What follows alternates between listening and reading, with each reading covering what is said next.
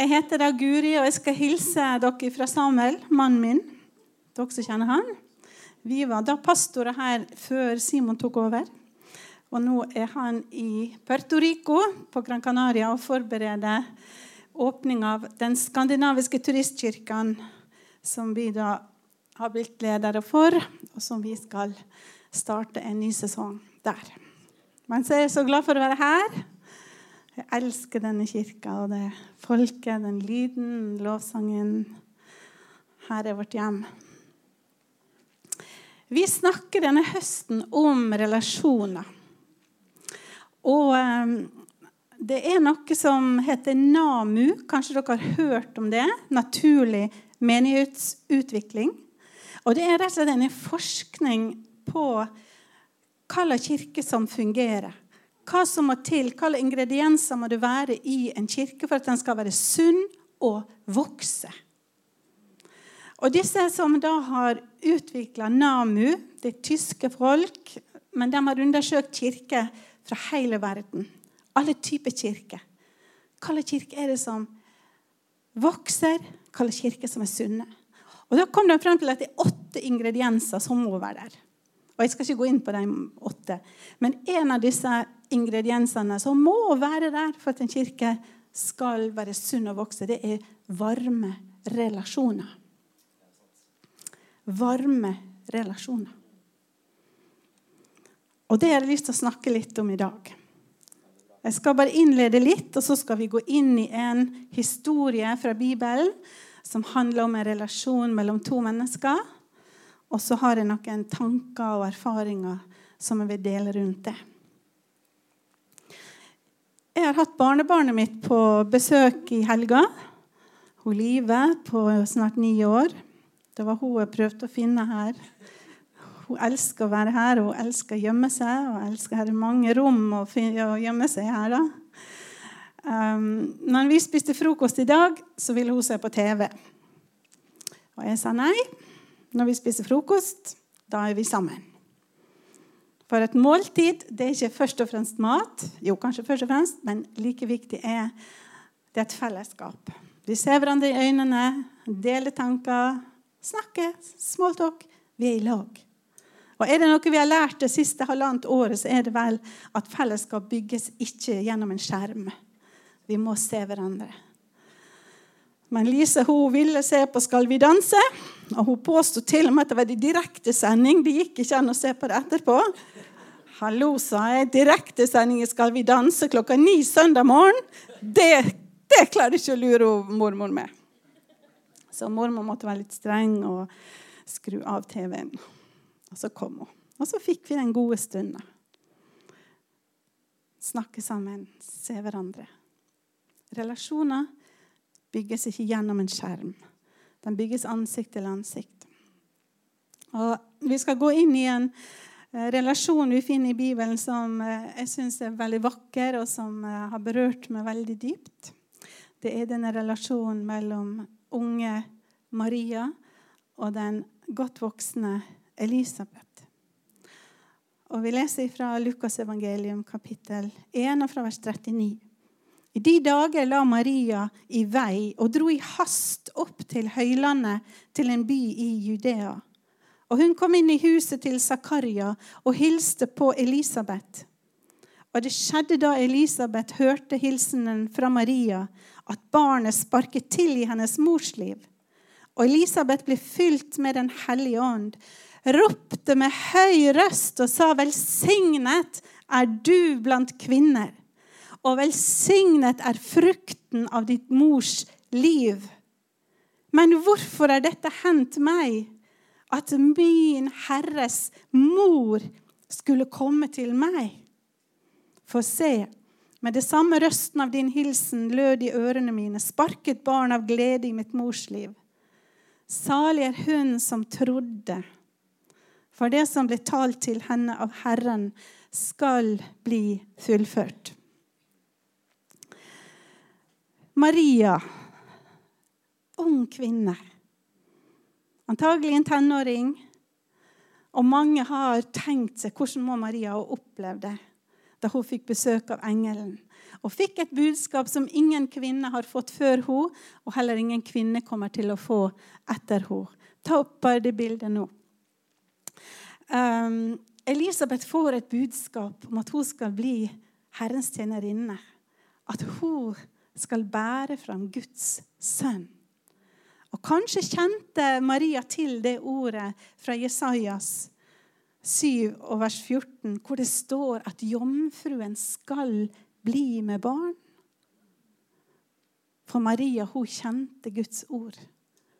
Og det vet vi, for litt seinere, det neste som kommer, hvis vi leser videre her, det er det, er det som blir kalt Marias lovsang. Og det er en fantastisk lovsang. Det er ikke en lovsang av en redd og usikker ungdom. Men det er en lovsang fra ei ung kvinne som kjenner sin Gud, og som forstår hva hun er kalt til, og som kjenner Skriftene. Men allikevel Maria skal bli mor, og det uten ved en mann. Hun er trolova med Josef, men de levde ikke sammen før de var gift. Så hun sier til engelen ja, men hvordan kan dette skje? Jeg har jo ingen mann. Selv om hun har en som skal komme. Men de lever ikke sammen. Og engelen sier at den høyeste Gud skal overskygge det. Og Den hellige ånd skal komme over det. Og kraften fra den høyeste skal overskygge deg. Og derfor skal også det hellige som ble født av deg, kalles Guds sønn. Vi forstår at for Maria var dette en ting hun ikke kunne snakke med hvem som helst om. Hun kunne ikke bare gå til en venninne hvem som helst og bare fortelle What? Jeg skal bli gravid med Guds sønn. Jeg er den ene jomfruen i hele menneskehetens historie som skal bære fram et barn uten å ha lagt med en mann. Hallo! Og vi vet at når Marie forteller dette til Josef, så blir det vanskelig for Josef. Og han vil skille seg fra henne i stillhet. Han ønsker ikke å, å gjøre skam på henne, står det. Men for han ble dette for vanskelig. Men Gud kom dem til unnsetning og sendte en engel til Josef, som sier, 'Josef, ikke vær redd, men ta Maria til deg som din ekte hustru.' For det hun skal føde, det er Guds sønn, og du skal gi navnet Jesus. Det er gitt av Den hellige ånd. Og Josef gjorde som engelen sa. Men Maria hun trenger nå, før Josef har fått englebesøk og alt er bra Hun trenger noen å snakke med. Og Det er tydelig at Maria har en relasjon til sin slektning Elisabeth, som er høyt oppe i alder. Elisabeth er over den tid man kan få barn, forteller Bibelen oss. Og Det kan jo være hun er over 40 år, kan være over 50 år, kan være 60 år, kan være 70 år. jeg vet ikke. Men hun er en helt annen generasjon enn Maria. Og jeg tenkte på Maria, hadde du ingen mamma å gå og snakke med? Hadde du ingen nær relasjon der du bor? Men Maria visste hvem hun måtte snakke med. For dette dette var ikke bare noe dagligdags, dette var noe som gikk på dypet. Og det er tydelig at Maria kjenner Elisabeth, for når Maria kommer, så gjenkjenner Elisabeth Maria sin stemme.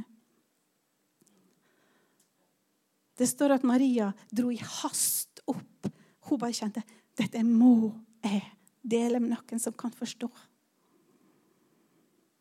Og det blir Elisabeth og Maria drar opp. Kanskje hadde Maria en mor i nærheten eller en venn. Men ikke en som ville forstå akkurat dette. Og heldig for Maria at hun hadde bygd relasjon med ei som var der når hun trengte henne. Hun trengte ikke å søke på nett og skrolle. Er det noe som har peil på sånn type uh, situasjon som det her, blir gravid uten mann? Altså, Du skal lete på nett en stund før du finner det. Hun hadde ingen nett å finne. Hun hadde bygd en relasjon. Hun hadde et menneske i livet sitt som var der når hun trengte det. Og Det er en lang vei å gå fra Nasaret og opp i Judealandet. Det er rundt 15-16 norske mil. Hun skal gå til fots, som mest sannsynlig gjorde. Kanskje hadde hun et esel. Vi vet ikke. Men det var hjertet hennes. Jeg må møte Elisabeth. Og så er det dette vakre møtet da, når Elisabeth kommer opp. Maria kommer opp unnskyld, og møter Elisabeth. Og Elisabeth gjenkjenner stemmen til Maria. Og Elisabeth er nå seks måneder gravid. Hun er noen av 20 uker på vei. Maria hun er sånn kanskje en uke på vei. Det er helt, helt, helt nytt. Men de bærer på hvert sitt barn. Og det står at Mar eh, Elisabeth sitt barn, som da vi vet var Johannes døperen, at han fryder seg i hennes liv. Han er bare noen 20 ukers foster, et lite barn. Men det blir vill jubel inni magen, og Elisabeth kjenner hva skjer. Og så sier Elisabeth dette til Maria, som vi leste her. Velsignet er du blant kvinner, og velsignet er frukten av ditt mors liv. Hallo! Elisabeth vet at Maria er gravid. Hun har ikke lest det på sosiale medier, hun har ikke fått en telefon om det. Men hun vet det. Og Hun vet også ikke bare at hun er gravid, men hun skjønner hva slags barn det er Maria bærer. For hun sier 'min Herres mor'. Hun er kommet til meg. Hvor, men hvorfor er dette gitt til meg? Altså, hvorfor har jeg opplevd å få en så stor ære at Herrens mor kommer her på besøk til meg? Kanskje ligger svaret i at Elisabeth har vært som en mor for Maria. Hun har vært som en storesøster for Maria. Hun har bygd en relasjon og sett den unge Maria før. Og vært der i livet hennes. Men tenk hva det betydde for Maria å få dette bekrefta. Altså, her er det ei eldre, voksen kvinne som bekrefter Jeg vet, jeg ser at du er gravid. Og jeg vet at det har skjedd på en måte som er helt uvanlig. Jeg forstår, og jeg tror på det. Du er ikke bare ei hvem som helst mor, men du er Herrens mor. Og denne eldre kan bekrefte den unge. Denne eldre med erfaring kan være der og stå sammen med den unge. Elisabeth har ikke kreftene til Maria. Hun har ikke det løpet hun skal løpe, men hun står der som en klippe, som en søster, som en mor, og sier, 'Maria, løp med det her. Gå med det. Jeg tror på det. Du er der. Du er der du skal være. Herren er over det. Og hvilken ære at jeg skal, skal få lov å gå sammen med det i livet, i dette fantastiske store. Elisabeth hun hadde sin reise. Hun hadde ikke hatt et lett liv. Elisabeth, som alle andre kvinner i denne tida, var gift med Zakaria, som var prest. De ønska seg barn. Og I deres samfunn så var det en skam å ikke kunne få barn. Og vi kan ane oss Elisabeths lengsel, hennes smerte, hver måned når det blodet kom, som fortalte Ikke denne gangen heller. Elisabeth, ikke denne måneden heller skulle du få bli mor. Det hun ønska seg aller mest. Og Det som blodet som kom var den gråten fra kroppen hennes som ropte 'Jeg vil så gjerne bli mor. Jeg har så mye å gi. Jeg har så mye lengte. Jeg har så lyst til å velsigne et barn.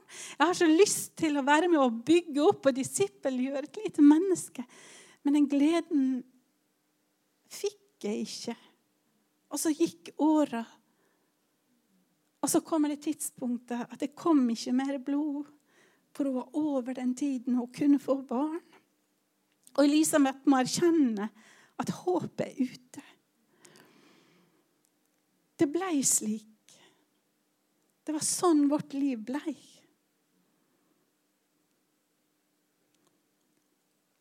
Og så skjer dette fantastiske. At Gud besøker Zakaria. Hennes mann forteller at Elisabeth skal bli med barn. At dere skal få en sønn. Og engelen profeterer noe voldsomt om dette barnet. For han er jo den Elias som skulle komme, som skulle rydde vei for Guds sønn. Det er Johannes døperen hun skulle få lov å bære fram. Og vi kan ane at Zakaria han klarte ikke å ta imot det. Altså For han var skuffelsen blitt så stor at når det gledesbudet kom, så var Det var for godt til å være sant. Sorgen, skuffelsen, hadde blitt så stor at han, at han bare klarer Men hvordan kan det skje? Det er over for oss. Det er for seint. Og vi vet hva engelen sier til Johannes, nei, til Zakari her, at du, du blir stum. Du kommer ikke til å snakke før barnet er født, men det kommer til å skje.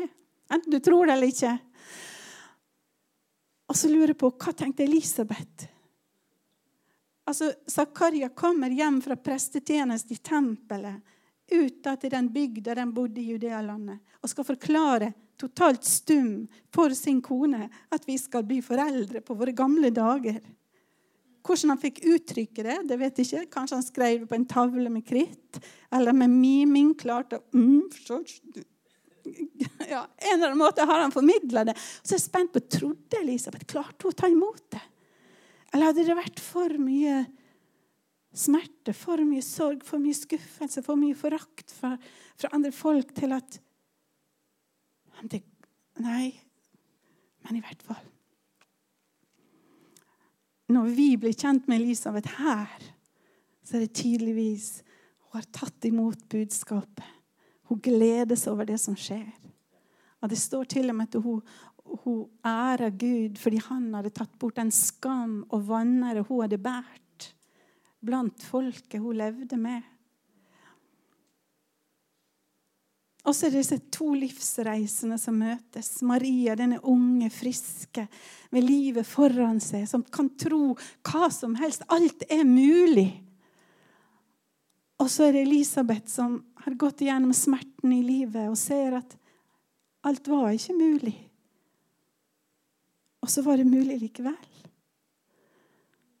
Og så ser vi hvordan disse kvinnene Og dere gutter Det kunne like godt vært to menn. To mennesker som får lov å gå sammen. En ung og en eldre som har bygd en relasjon som gjør at de kan gå sammen og gå inn i det kallet som var for dem.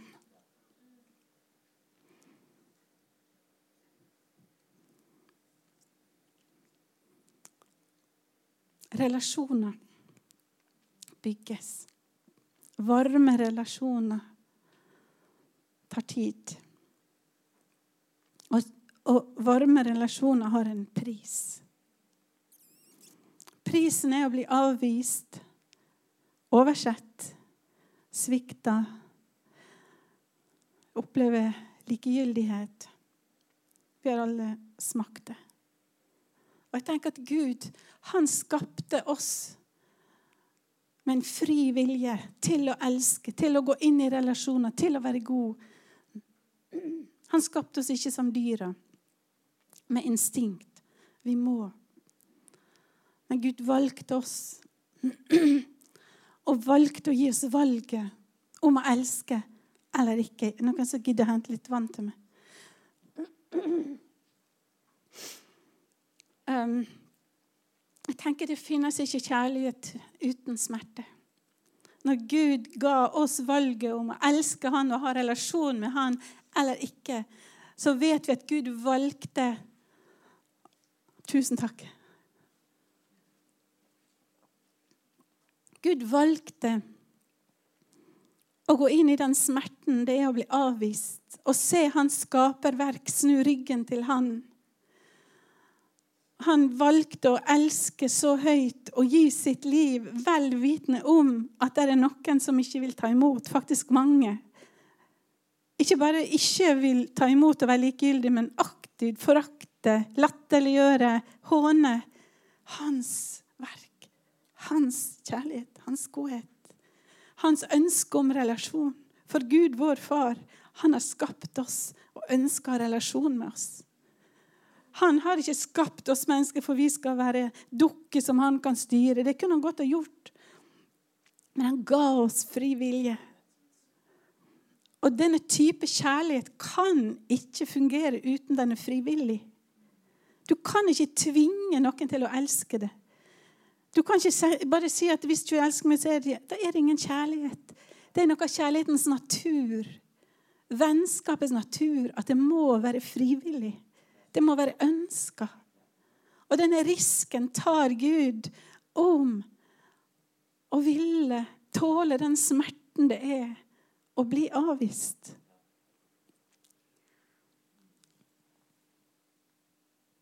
Jeg tenker på Jesus når han er foran Pilatus, og folket roper 'Gi oss Barabas'. Altså, der står han, god, ren, hellig, full av barmhjertighet. Hadde levd tre år og demonstrert en godhet, en barmhjertighet, en nåde, en forkynnelse så kraftfull. Ingen har sett maken. Ingen har sett det. Ingen har sett noe lignende før. Og så sier folk nei takk. Gi oss Barabas. En morder. En opprører. Og det som menneskene sier nei takk. Godhet. Ja takk. Stolthet, selviskhet. Frihet, såkalt frihet til å gjøre hva vi vil.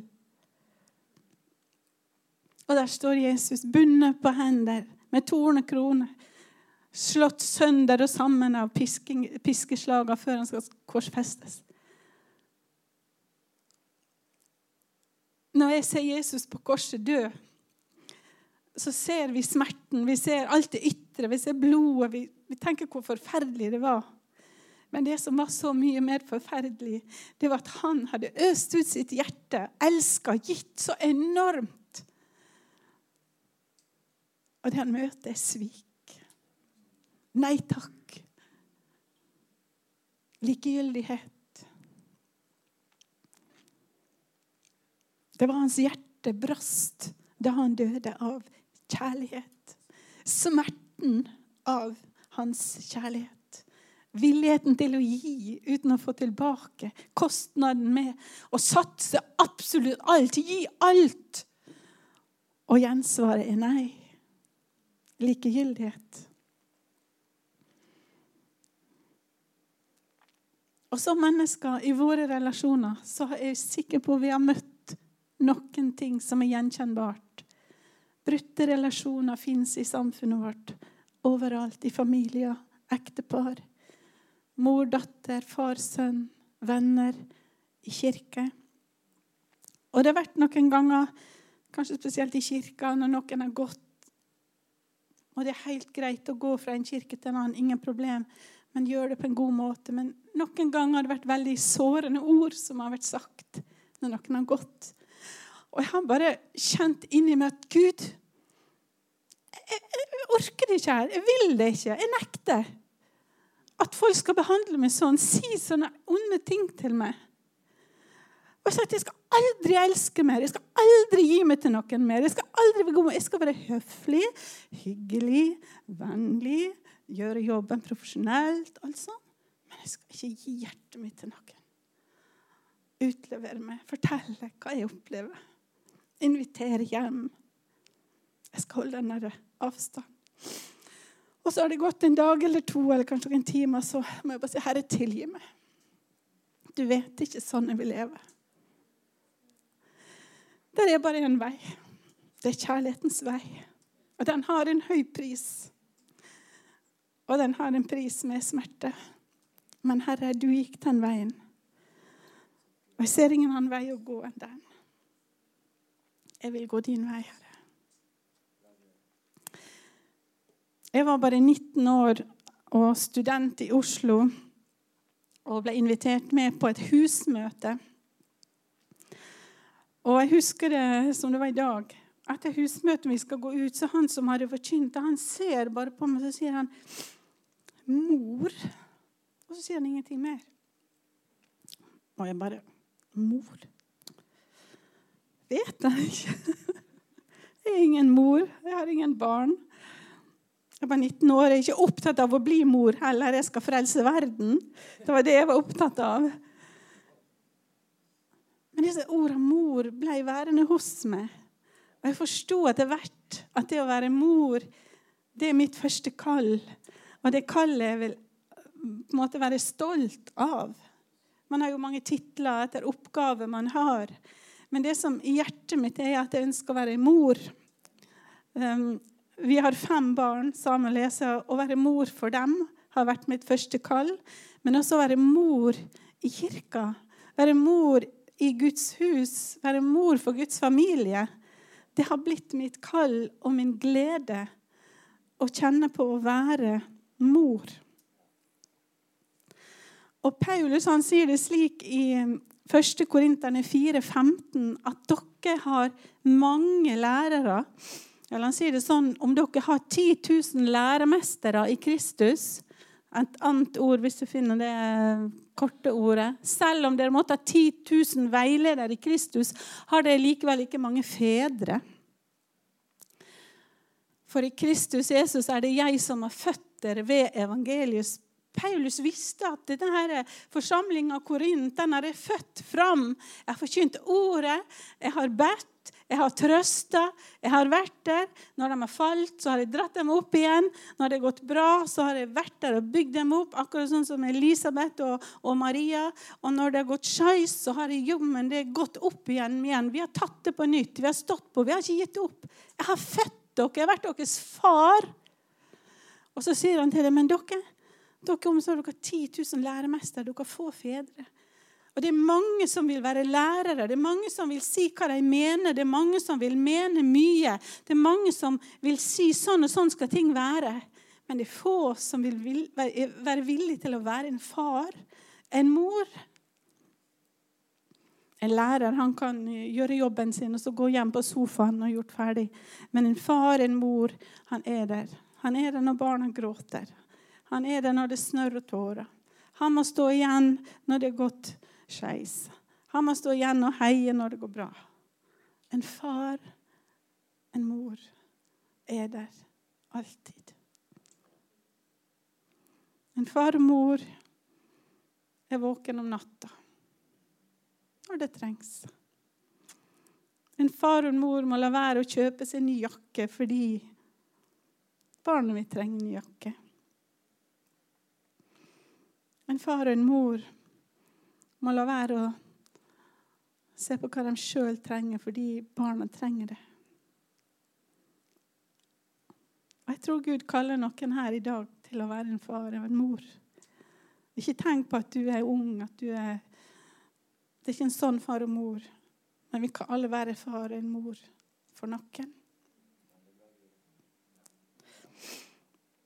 Og jeg har bare lyst til å si Du kan ikke være mor og far med engangshansker og sånn der er lang avstand. Barna må du ta inn til det. Du må få snørra på genseren. Tårene nedover. Jeg husker da jeg var nybakt mor. Eh, Hanna, eldste dattera vår, var født, og jeg var Jeg visste ikke mye om å være mor. Og Jeg sto og skifta på for første gang at vi hadde kommet hjem fra sykehuset. Det var i gamle dager, riktig gamle dager, da man lå fem dager på sykehus etter man hadde født et barn. Og Jeg sto og skifta på, og så lå hun sånn mot meg. da. Uh, og så plutselig så kommer det en kanonskudd av en bæsj. Har dere sett bæsjen til et nyfødt barn? Mange av dere har ikke sett det, kanskje. Ja. Men den er gul krem. Ser ut som sånn sennep omtrent. Har veldig søt lukt. Og det kom inn altså en kanon rett på meg her. Og så rant det nedover genseren og ned på skjørtet. Og det var nesten de eneste klærne jeg hadde, for jeg hadde så lite klær. Og jeg begynte å grine. Kjære Gud, hva skal Ja, følelsene var jo litt ekstra da. Men det er på en måte det er sånn som skjer når man er mor og far. Når du er lærer, så kan du bare ok, si, gå hjem, gå og skift sjøl. Gå og ordne sjøl. Gå og trøst deg sjøl. Gå til noen andre. Men når du er mor og far, så må du ta bæsjebleien. Du må stå med når folk kan mislykkes. Når noen har gjort noe dumt de ikke burde, så stikker man ikke av og bare lar dem være for seg sjøl. Men mor og far er der. Mor og far er der når barna lærer å gå. De er der når de faller òg. Det er ikke sånn liksom åh, han datt igjen. OK, da prøver vi en gang til, da. Vi vet det går igjennom.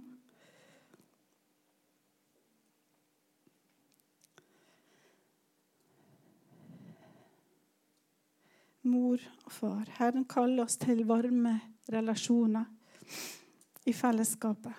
Og skal det være varme relasjoner, så må det være en mor og far. Simon han er vår far her. En ung far, en flott far. Og når han har fått seg kjempegod kone, som er som ei mor Men han kan ikke være alt alene. Velta i vannet nå. Det var han. Heldigvis ikke kaffe. Men Gud kaller oss, utfordrer oss til å være en mor, en far, en søster, en bror. Det er alltid noen som er litt yngre enn det. Det er alltid noen som ikke har hørt det du har hørt. Det er alltid noen som ikke har opplevd det du har opplevd, som du. Men du må snu det litt. Er det noen her? En mor og far ser, følger med. Det er noe å være mor og far. Du må ha øyne både foran og bak. Iallfall må du snu hodet. En mor og far kjenner hjertet det berører. Når barnet gråter, så berører det. Og vi ønsker å bygge ei kirke her med varme relasjoner. Hvor det alltid er noen å komme til å snakke med når du trenger det. Hvor det er noen å dele livet med. Men du må ta sjansen. Du må være villig til også den smerten det er når du blir avvist, når mennesker skuffer, når relasjoner blir brutt. Eldstedattera vår hun er lærer på en videregående skole her i, i, i, byen vår. Jeg skal avslutte med det. Hun, eh, men veldig mange av elevene hun har hatt, har vært eh, veldig umotivert. Og møtt med sånn steinansikt og på en måte hadde ingenting. Men sa at vi bare, jeg bare elsker dem sønder og sammen. Tror på dem. Og så Vi har som motto her skal vi gjøre gråstein om til gull. Og når sommeren kom i, i år, da, så var det flere blomsterbuketter, fine ord. Og jeg skrev sånn at etter du kom, da fikk jeg lyst til å komme på skolen igjen. Det var denne kjærligheten som traff igjennom. Men denne kjærligheten som må tåle å bli avvist. Kjærligheten som vet at jeg kan bli totalt latterliggjort. Men kjærligheten tar sjansen. Ta sjansen.